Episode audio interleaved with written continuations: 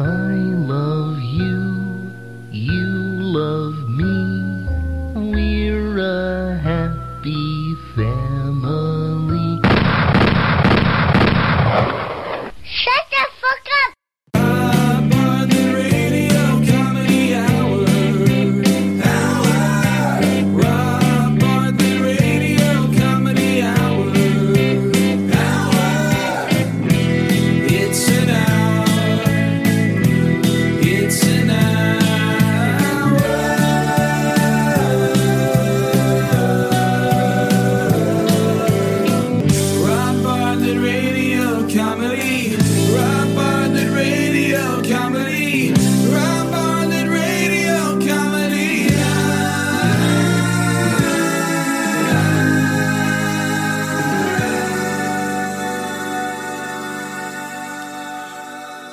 Welcome to the Rob Bartlett Radio Comedy Hour. I am Rob Bartlett, and this is my Radio Comedy Hour.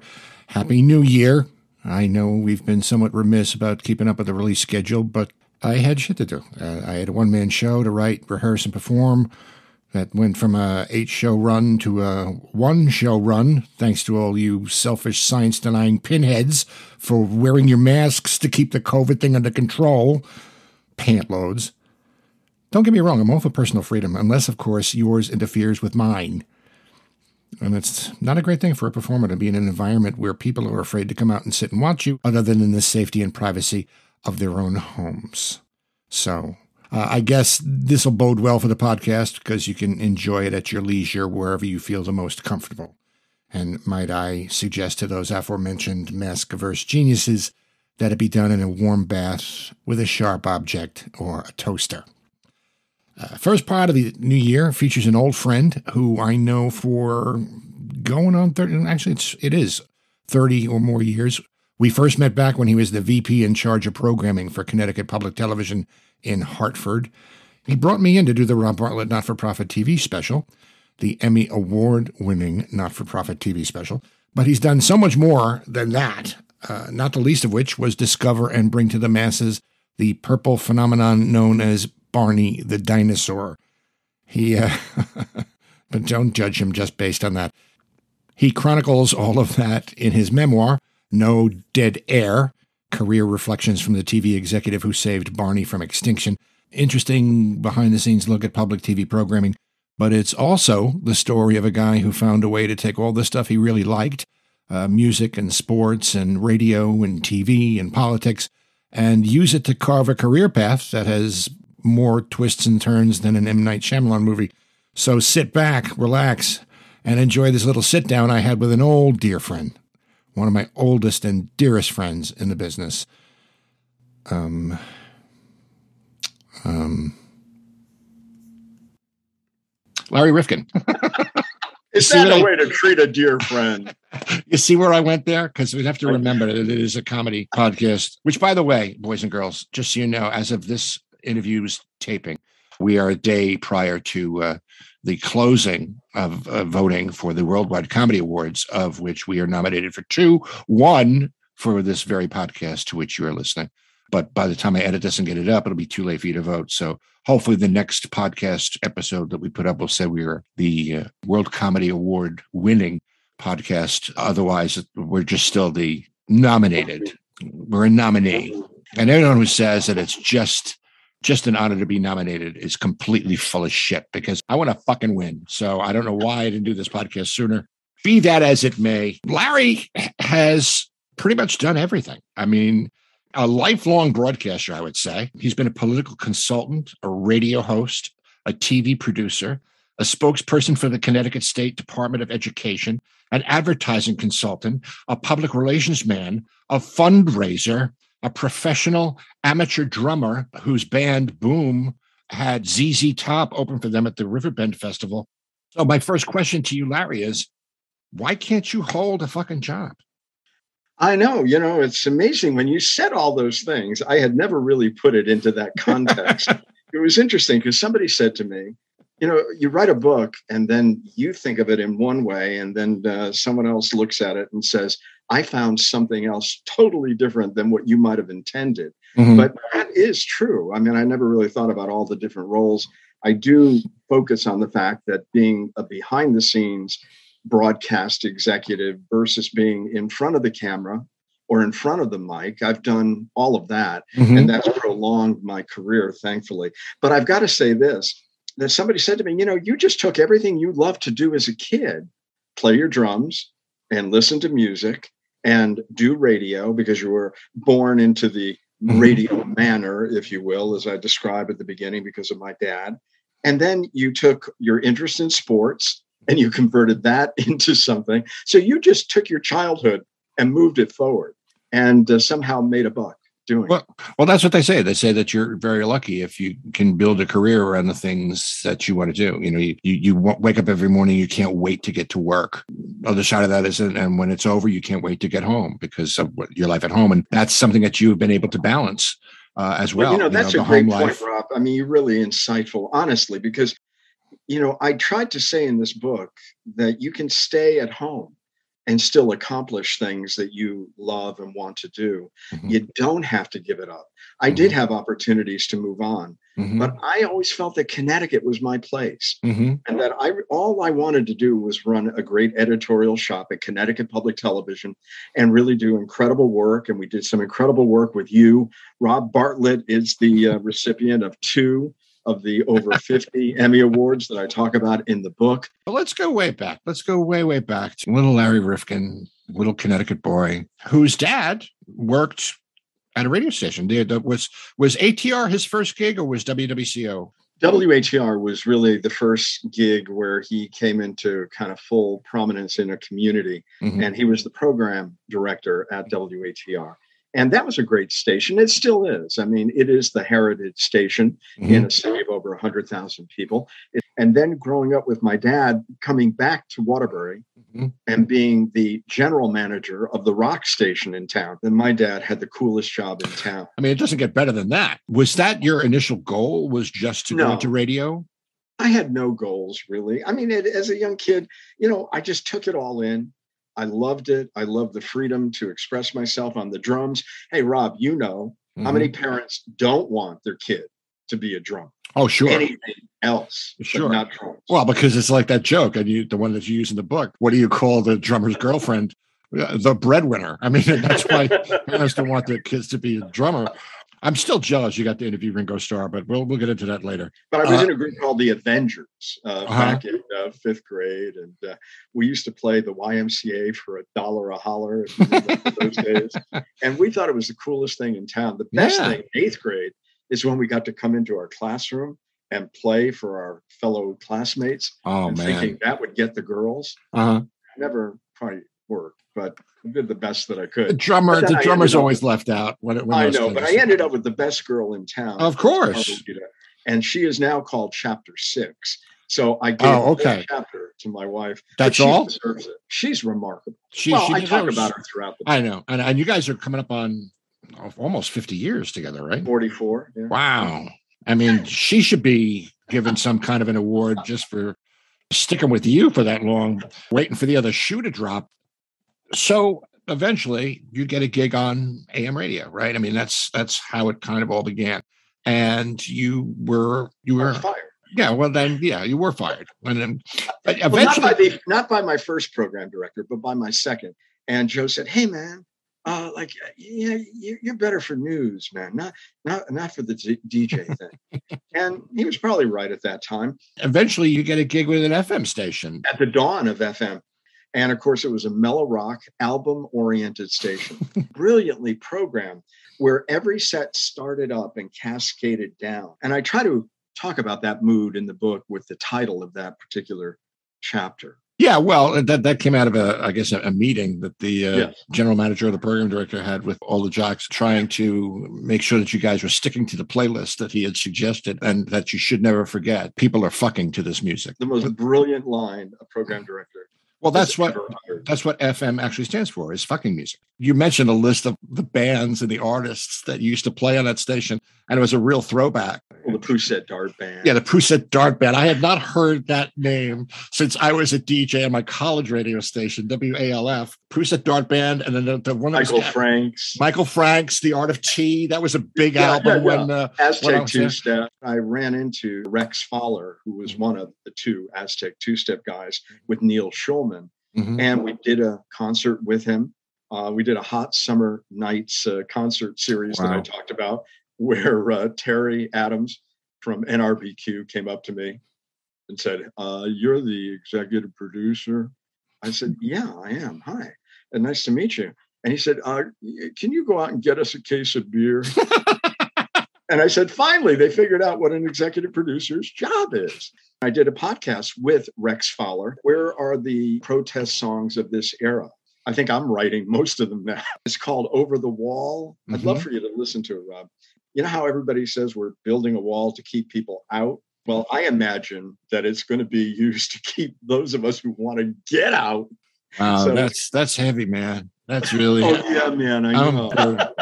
listen to that, man. Yeah, but what is it? The gummies that you're chewing on? After radio and before TV, you go through a number of other things. You're a fundraiser, you're a spokesperson, you have your own little advertising consultant agency, you run out of your basement. And then all of a sudden, you find yourself in a position where you are working for public television.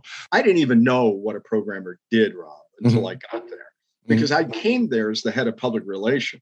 But then I started to go on air because I had that capability from having been on radio. Mhm. And of course, all of the pledging at that time on CPTV and most of public television was all extemporaneous. And I was pretty damn good at fundraising. In fact, there was a producer on CPTV, uh, a pledge producer, who said Larry was good for another $2,000 a night, whatever the show was.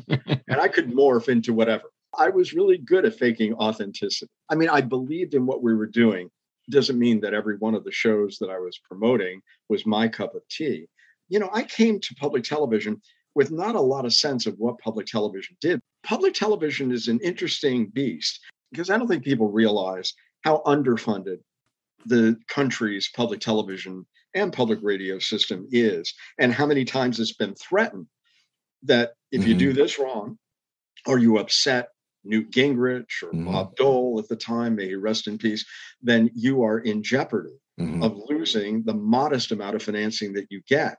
Right. And then we're often criticized for how we use that funding.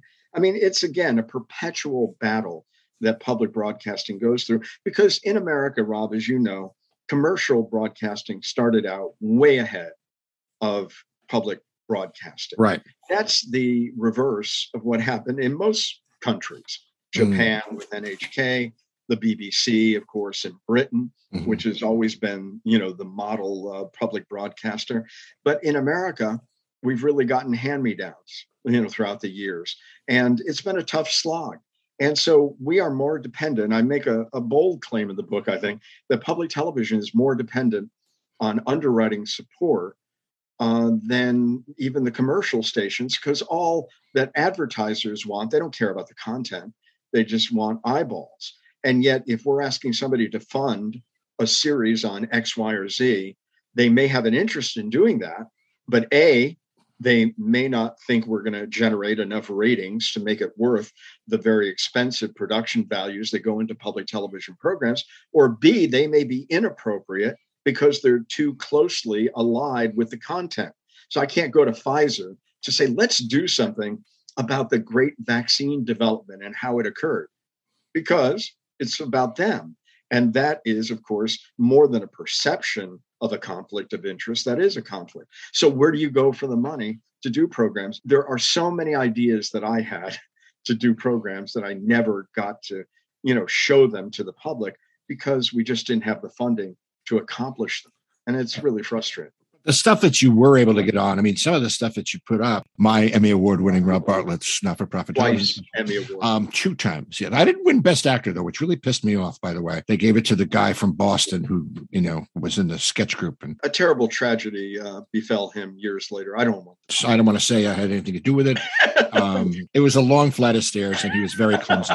Um, but as executive vice president of programming of CPTV, you came up with some really great, great programming. I mean, the one that my dear friend and manager Gary Grant helped in producing a what I think one of the great shows, which was about the British invasion. Well, let me talk about that because, you know, again, I said that music was a continual theme Right. in my life. Right. And the fact that I was able to do concerts with all kinds of people like Gene Pitney and Bobby Vinton and Carole King Mhm. and uh, the British invasion Gerry and the Pacemakers. We had Herman's Hermits, we had Eric Burdon and the New Animals, Mhm. uh, we had Freddie and the Dreamers, Mm. uh, Billy J. Kramer. Anyway, all these very interesting, you know, shows that we were able to do.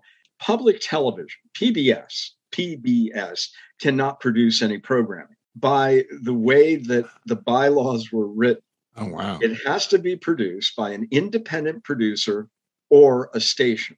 Now, think about that. You have a network that is basically forbidden in terms of producing it. It was really because WNET, the great WNET in New York, and WGBH in Boston did not want to lose all the production effort that they had put in, all the capital resource they had put in. So there was an opportunity for every local station in America to become a national producer. Mhm. And that's why we did documentaries that really mirrored what was going on on PBS uh, and really serious programs like Roots of Roe about Roe v. Wade, because many of the roots of Roe v. Wade were in the state of Connecticut, like Griswold versus the state of Connecticut, where really contraception was illegal before 1965.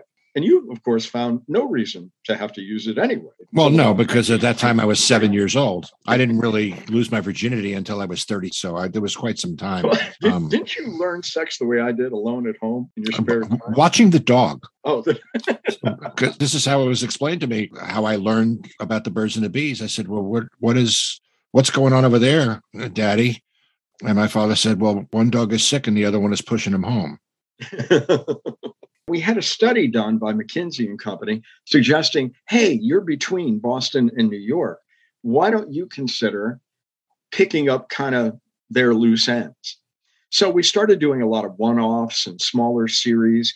Even Barney really has to be seen as an extension of that approach to programming because we didn't take the initial risk with Barney. And I might say this as I did say on this uh, Peacock documentary that's coming up about Barney, when we discovered it at CPTV, you know, you could have had the best minds in children's programming sit in a room with a lot of coffee and Danish for 30 days, trying to come up with a great new idea that was going to captivate young American children. And they never would have come up with anything like Barney. Barney, you know, it wasn't a dinosaur, it was a unicorn we were so blessed to really be the repository of all the goodness that had been developed in Texas that we were able to refine and bring to America.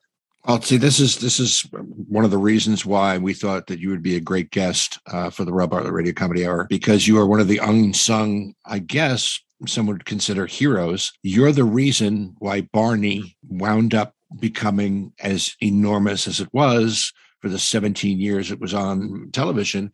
You are single handedly responsible for making Barney what it is today. And I think on behalf of myself and millions of other people, what the fuck were you thinking? Um, how do you stumble into something like that? Because there were many times along the way when it almost never happened. You discovered it, and this is really funny because this is almost like Brian Epstein wandering into the cavern, you know, one afternoon. Well, having said that all programming emanates from either an independent producer or a local station, we were not necessarily a children's uh, programming producer because the holy grail of public television is the children's programming. Sesame Street. I mean, my goodness, uh, such an incredible institution. And then Fred Rogers. And believe me, no one could say enough good things about Fred Rogers. But let me go back to Super Bowl Sunday, 1991. My daughter and I walked into a little home video store in our little town in Connecticut, Prospect. And uh, my daughter, who was not a big videophile, but somehow there was something about this video on the lower shelf that caught her attention. We brought it home And those were the days of VHS. And I had to go back and rewind it. And I went in to see what, what was it that was fascinating her. Now, again, I think the importance is you really have to open the door to ideas and recognize that the best ideas not necessarily are residing in your head or within your building. And you've got to recognize that there's so much going on outside of your sphere, but you've got to embrace it and figure out how can I adapt that to what I'm trying to do within the sphere of my influence. So I I sat down, as a lot of parents would not, and I watched this. And it was nascent at that time. The production values were slim. Barney was more blue, much harder edges. And yet I saw something in it. I saw the music as an underpinning. And if you go back and watch any of our episodes of Barney and Friends, the underscoring of music is so subtle, but so brilliant. I mean, you really have to go back and look at Barney to recognize that this was not something that hadn't been well thought out. I saw a possibility there, but I also saw that I had a focus group and I had a daughter who was absolutely mesmerized by this. So I listened. I didn't walk away and say, oh, whatever. I internalized what she was looking at because I can't see it through my own eyes at that age. I mean, there was no way that I could see what that was doing for her at that moment. So the next day, after Super Bowl Sunday 1991, I called Sheryl Leach in Texas, who was the creator, and her name was on the back of the box. And I said, Have you ever thought about PBS? And she, in her Texas twang, said, PBS, tell me about that. And so that began an odyssey that I never thought would end up with us having commissioned from PBS and the Corporation for Public Broadcasting 30 episodes. I never thought in my wildest dreams. And you had to do it in a, in a year, right? You had to. We had to get it all together in a year. It was amazing, amazing. And again, did I know that it was going to become what it became? Mm, I thought it would, but I certainly had no guarantee. Who does? Mhm. You know this business, Rob. I mean, what works, what doesn't? I mean, people throwing, you know, schedules down the floor to decide what they're going to program. I mean, it is a crapshoot. And so many more things fail than succeed. But we were put into a competition with some old timers with Shining Time Station, Mhm. which was made up of Thomas the Tank Engine Yep. and George Carlin and Ringo and so Right. forth. And then we were also put up against Shari Lewis, who was really a great figure in children's television for many of us growing up in the 50s and the 60s. pioneer. Yeah. So no one really gave us a lot of credence. They didn't think we were really anything. And most of the middle-aged uh, white uh, television critics, they never got it. And so again, there were so many forces that I think at the beginning of Barney were kind of pushing back, saying you're not worthy. The access of Hartford and Allen, Texas, you're not known, you're not established, and you will fail. And that was the signal that I kept getting back from the public television system. But the only way to know was to release it and let the children vote. And thankfully, those still small voices saved Barney. But we were canceled right when we went on the air. Within a month, Wow. PBS called me, uh, a representative, saying, Larry, we're not going to fund any more episodes. And I said, What? I mean, we're just getting launched. We were the last of the three to come on. Mhm. And by the way, this was an effort at the time to augment Fred Rogers and Sesame Street. We needed Right. more children's programming. And I said, we're, we're just getting started.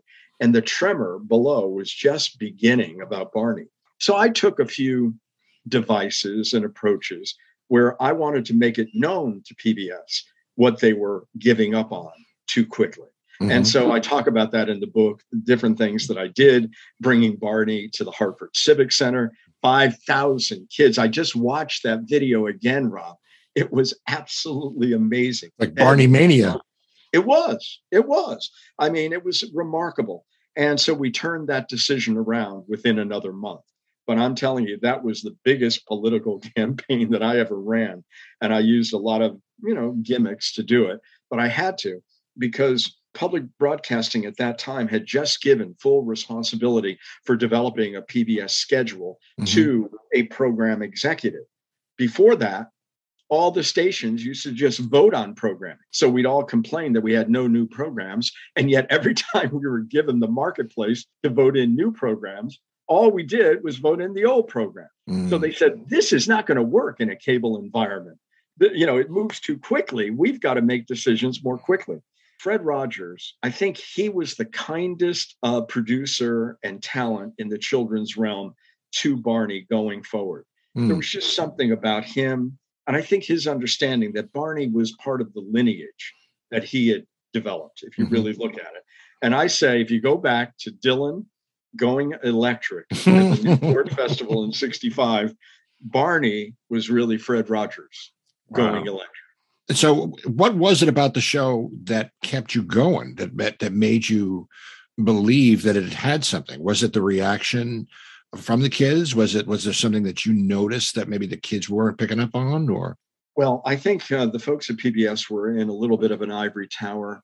And the guy who had green lit the production, you know, way back in that April of 1991, he had left by the time we uh, went on the air. Mm. And so we really didn't have a patron. And you know how that goes in this Sure. business. If it wasn't my idea or your idea, even if it's part of the same institution, Mhm. it is relegated to uh, backbench. And a lot of people say, you know, that wasn't my idea. Whose idea was that? Oh, yeah, because if it's successful, they don't get credit, and if it's a failure, they don't get blamed. Exactly. And so in this case, I think it was the confidence that Sheryl Leach always had that Barney was going to succeed. She really had to believe because this was her baby. And I was really honest with her, as I said in the book from the beginning. I'm just one uh, programming executive from a local public television station. Mhm. I'm not the ultimate decision maker. This may never go anywhere, Sheryl, but trust me, let me try to guide you through a process. And by the way, I was guiding her through a process that I had never been through. but that never stopped you before. I mean, throughout your Well, entire that- career, you, you just held your nose and jumped into the, the deep end of the pool without knowing how to swim, and And and, you were successful. You kept going. Yeah, well, your naivete sometimes does a lot for you uh, because I was also somebody who came out of a commercial background. I was not afraid to take chances on something that might not have seemed to fit directly into a public television uh, model. And I mean, of course, later on, uh, and I talk about it in the book, I have a chapter bigger than Barney. And that was about UConn women's basketball.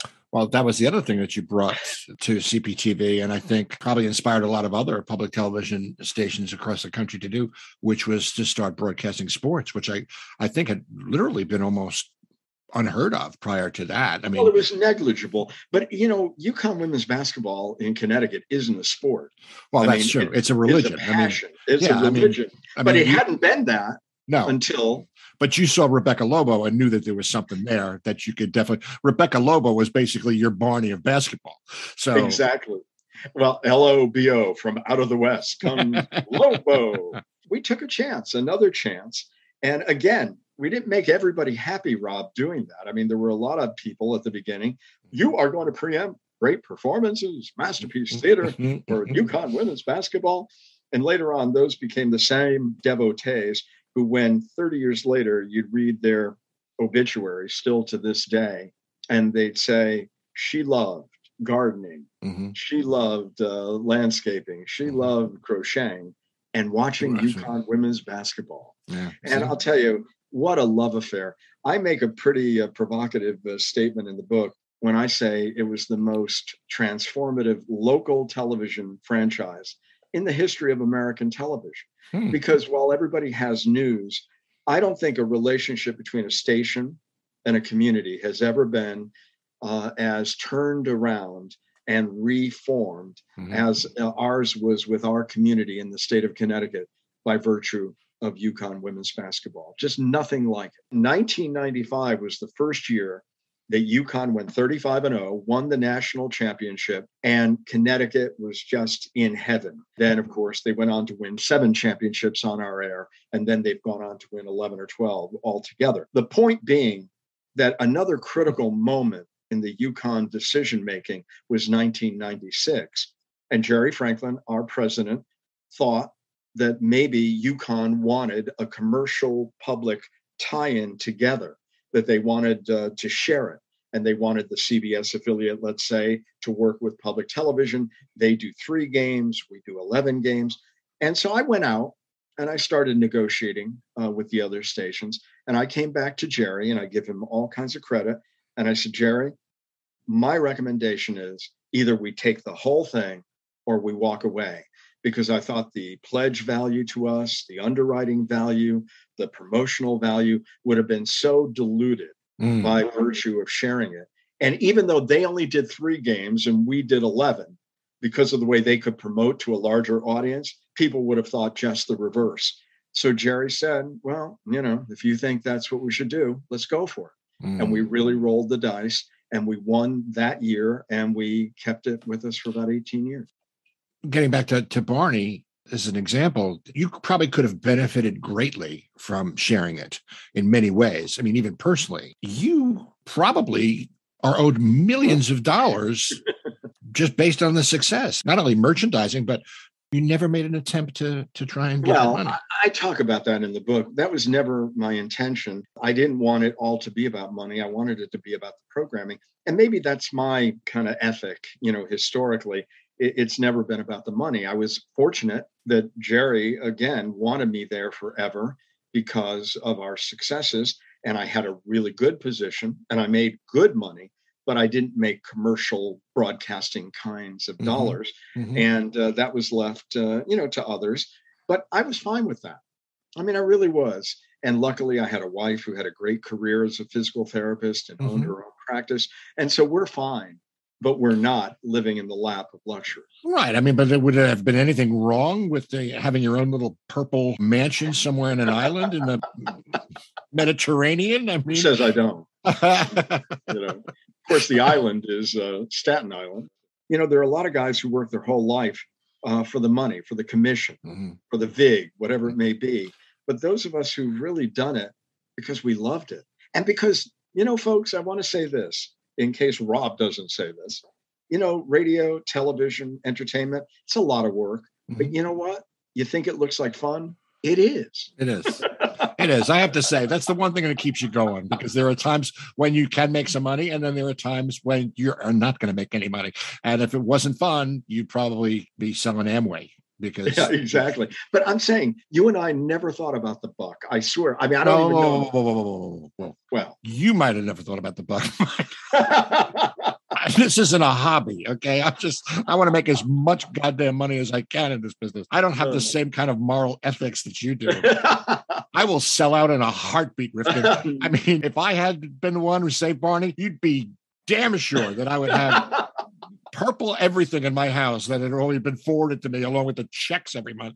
I think it's a testament to you and, and the kind of person you are. And I think one of the reasons for your success is that you've maintained being true to yourself and you've always followed the path that felt right to you.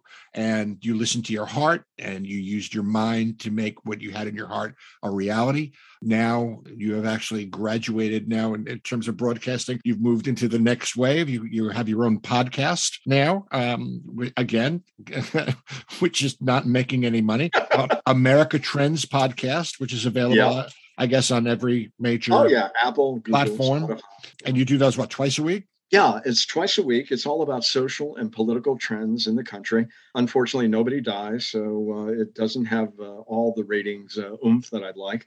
But I really love it. I mean, Rob, it keeps me so stimulated. I'm talking to the smartest professors, authors, think tank representatives, and somehow I get them on. They think somebody else is going to listen to this. So I fooled them to this point, over 500 episodes deep but it really gives me such a wonderful platform. Like the newest one, while we're recording this, I did with Tom Standage, who is an incredible thinker about the future of motion, about cars and Mm. transportation. And I, I love, you know, the the slogan we use is uh, where the future has arrived, and it's just in time. because I developed this during a very tumultuous period. Let's say that. It's an amazing story. And the thing that you mentioned in the book a couple of times, and to me, it seems like it's almost the theme is all your life you have found yourself in places you didn't belong or you thought you didn't belong. But it, as it turns out, you definitely did belong. You were exactly where you should have been at every stage of your career. And that's why it's so amazing to me. I mean, it was probably destined that you were going to bring Barney into this world. And despite that, we uh, we still love you. And Well, it was a hard gestation period. I was going to say it was not it was not Oh! an easy birth. I mean, you were in labor for a long time with that one. It it really is inspiring. It says a lot about staying true to your your dreams and and believing in yourself even when you had no reason to. And Right. it's like and I, I'll tell you, when you come out of Waterbury, Connecticut, kind of like Brooklyn, New York, it- you had a little chip on your shoulder. being from Waterbury, I mean, they call it the brass city because you have to have balls. You know, you have to have brass balls in order to to survive. And obviously, that's one of the things that has kept you going.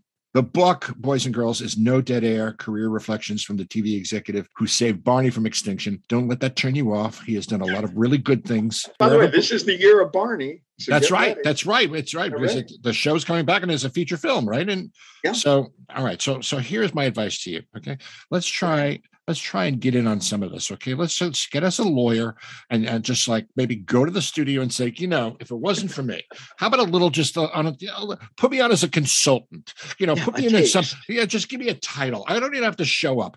Let me wet my beak just a little, like they say in The Godfather. You know, 0.4 percent of of it could be would even know? billions of dollars with Barney, billions of dollars. With, anyway, uh, no dead air career reflections from the TV executive who saved Barney from extinction, Larry Rifkin. Uh, it's available wherever books are sold, which always sounds stupid to me. It's like where where where would books be the sold? best place to At the get it is butcher? Thanks for stepping on the joke, by the way, Rifkin. Your timing is still impeccable. Yeah, I got it on Kindle because I like to read while I'm driving, but it's a great read and it's it's a fascinating story. And uh, you're just one of the great guys in the business, uh, Larry. So uh, thanks thank for you, doing the Rob. show. And, And uh, believe me, I mean, your career has been astounding. And I hope that you win all these awards that you're up for now. I know you're only nominated, but I'm sure it's going to come about. One day you're going to. You're gonna the get interview's over. You don't have to blow me anymore. The interview Oh, is okay, over. okay. I mean, I appreciate it, but you, you can relax. It's done. Larry Rifkin, boys and girls, uh, pick up the book, and you'll be glad you did. Once again, the book is No Dead Air Career Reflections from the TV Executive Who Saved Barney from Extinction. You can find it on Amazon. Uh, it's a very interesting story and a great testament to persistence, uh, following your heart, choosing your own path, and not giving a shit about what anybody else thinks. It's it's inspiring. Uh, I recommend. It's not that any of you read all that much unless there's a lot of pictures, but you know. Well, thanks for joining us in this new year. Please remember to subscribe so you get every episode as soon as it drops, which, given the very erratic schedule, is a good thing. Review us on Apple Podcasts. It helps get us out to the masses and gain followers. If you voted for us in the Worldwide Comedy Awards, which have not yet been announced as of this release, if you did vote and we, in fact, did win, thank you from the bottom of my heart for your support. It means the world to me. And if we didn't win, uh, thanks for nothing and fuck you very much. I thought I could count on you. Guess not. So I suppose now it's back to me sheltering in place, listening to Zamfir, the master of the pan flute, and watching reruns of Big Joe polka classics on RFD. Stay in touch at Robio Radio Comedy Hour at gmail.com. Follow us on Twitter at the Robio, R O B I O. Instagram, Rob Bartlett Radio Comedy, and TikTok at Robio Bartlett, R O B I O B A R T L E T T. If you're an actor or a comedian, or you know one and aren't afraid to admit that fact in public, or maybe you've always wanted to try it out, um, acting or doing stand up, check out the rbstudio.com. I offer online coaching and instruction in stand up comedy technique, audition prep, scene study, creating characters the rbstudio.com, all kinds of classes and live performance for everyone from teens to adults. Uh, you can do them, you know, with other people. You can do them uh, separately, you know, individual, personal, private. It's entirely up to you. I'm I'm very flexible that way. And if you're looking for a one of a kind gift for that special person, birthday, retirement, or anniversary, maybe you want to break up with somebody and aren't sure how to do it. You can get me to do it for you on Cameo. Go to cameo.com. Just give me the info about the person, and I will craft a personalized message as me or one of my many characters, including what seems to be popular lately Feats Dupree, the great unknown blues man, who will write and perform an original, custom made, one of a kind blues song for you for the occasion. And if you're a fan of my Broadway, off Broadway, and off off Broadway oeuvre, I'm also on BroadwayPlus.com for meet and greets, video shout outs. Uh, I can speak to your group, whatever you'd like. BroadwayPlus.com. Our program produced by Gary Grant and me, Rob Bartlett, written by me, Rob Bartlett, along with the great Andrew Smith every once in a while, actorized by me, Rob Bartlett, edited by me, Rob Bartlett. The Rob Bartlett Radio Comedy Hour theme music and lyrics by Gary Grant, performed by Steve Mecca, all stunts done by me, Rob Bartlett. Mr. Bartlett's wardrobe provided by Botany 500. No animals were harmed in the production of this podcast. Special thanks to our guest, Larry Rifkin. Check out his music on Bandcamp. Stay tuned for a preview of that song we was talking about in the interview. A little extra something something in the post-credit sequence. And we'll see you again next time, boys and girls, on the Rob Bartlett Radio Comedy Hour. Until then, be good to each other, won't you?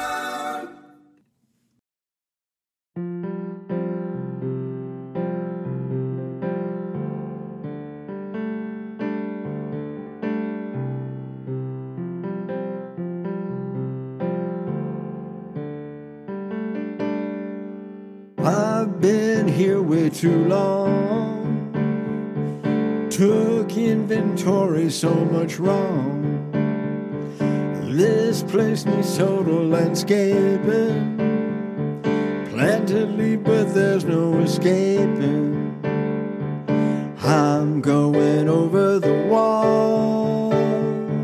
I'm going over the wall. Can't be here for the big fall.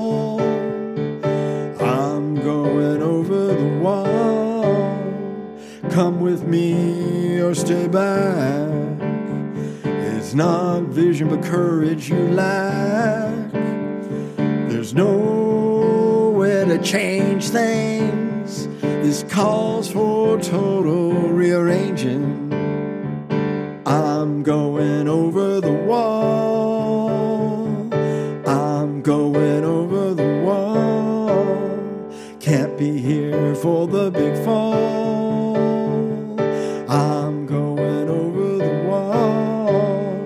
I don't like the road we're taking.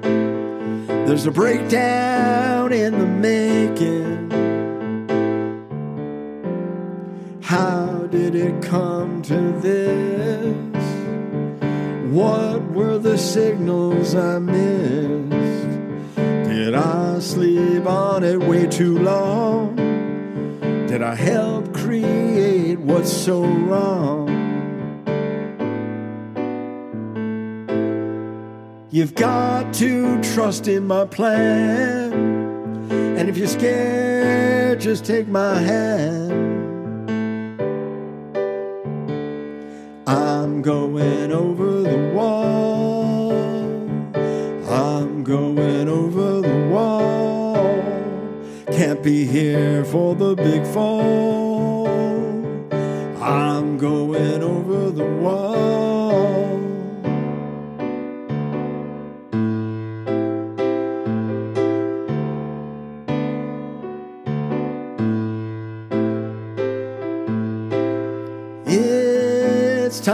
Go. It's time